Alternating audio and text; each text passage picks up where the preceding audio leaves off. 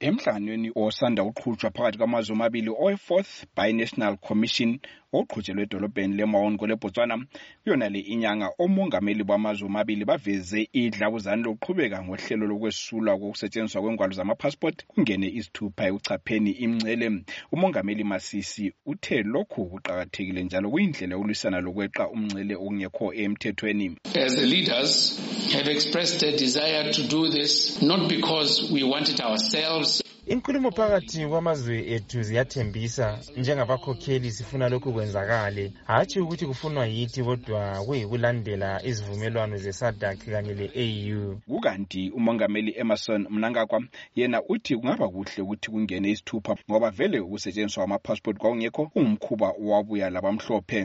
We didn't have passports. To move from one country to another. Imbali yethu itshengisa ukuthi vele sasingasebenzisi ingwalo zamapasipoti zabuya lalabo abebezibona engathi bathuthukile okwedlula thina. Kodwa noma nje omongameli bobabili bezama ukufaka umfutha kulolu hlelo okugoqela lokuthi banikeze iziphathamandla zamazwe omabili umlayezo wokuthi beqale ukusebenza phezu kwalolu daba amanye amalunga edala lephalamende kwelebotswana bathi abafuni lakuzwa ngalolu hlelo.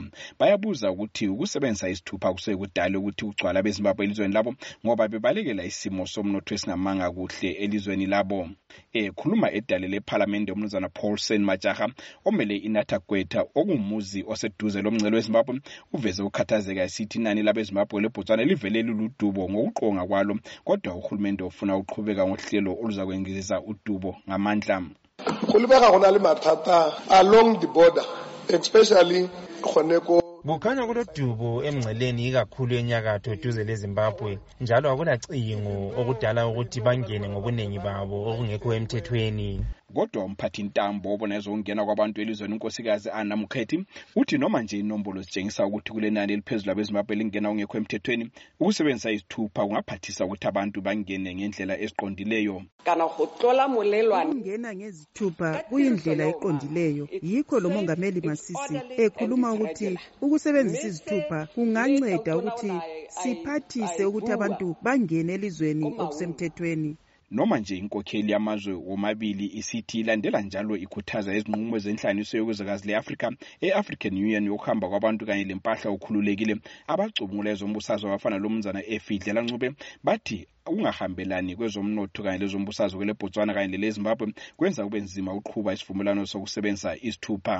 Indaba yokuhamba kwabantu bengela mapassport besebenzisa izithupha izahlupha kakhulu ngokuba ezomnotho zalamazwe kazilingani kazifani njalo. Abantu bebutswana bahlezi kahle ezomnotho zabo ziyasebenza balemisebenzi yonke into ihamba ngendlela efaneleyo ngakho kasoze badinge ukuza kakhulu ezimbabwe. Umnumzana mkhululi moyo isizalwane sezimbabwe esihlala kwele botswana yena uthi kuhle ukuzanywa inkokheli yamazwe amabili kodwa ngenxa yegama esengcwele labantu bekhaya emazweni kuzaba nzima ukuthi abebotswana balwamukele lolu hlelo. Hlupho lona lolo olugubele lukhona ukuthi um thina ngapha abakithi njengobana sisazi bahlezi begconwa ngendaba zokudalwa kwamacala um lakho konke nje okwenzakalayo kungantiwa akuphathi kahle. Ibotswana ilesivumelwano esifana lelenamibia njalo ukusungulwa kwalolu hlelo phakathi kwamazwe amabili akuzange kudunge imimoya njalo lokho sokusenzakala ngokuzanywa ngelezimbabwe inombolo ezikhitshwe ngumkhethi edale lephalamende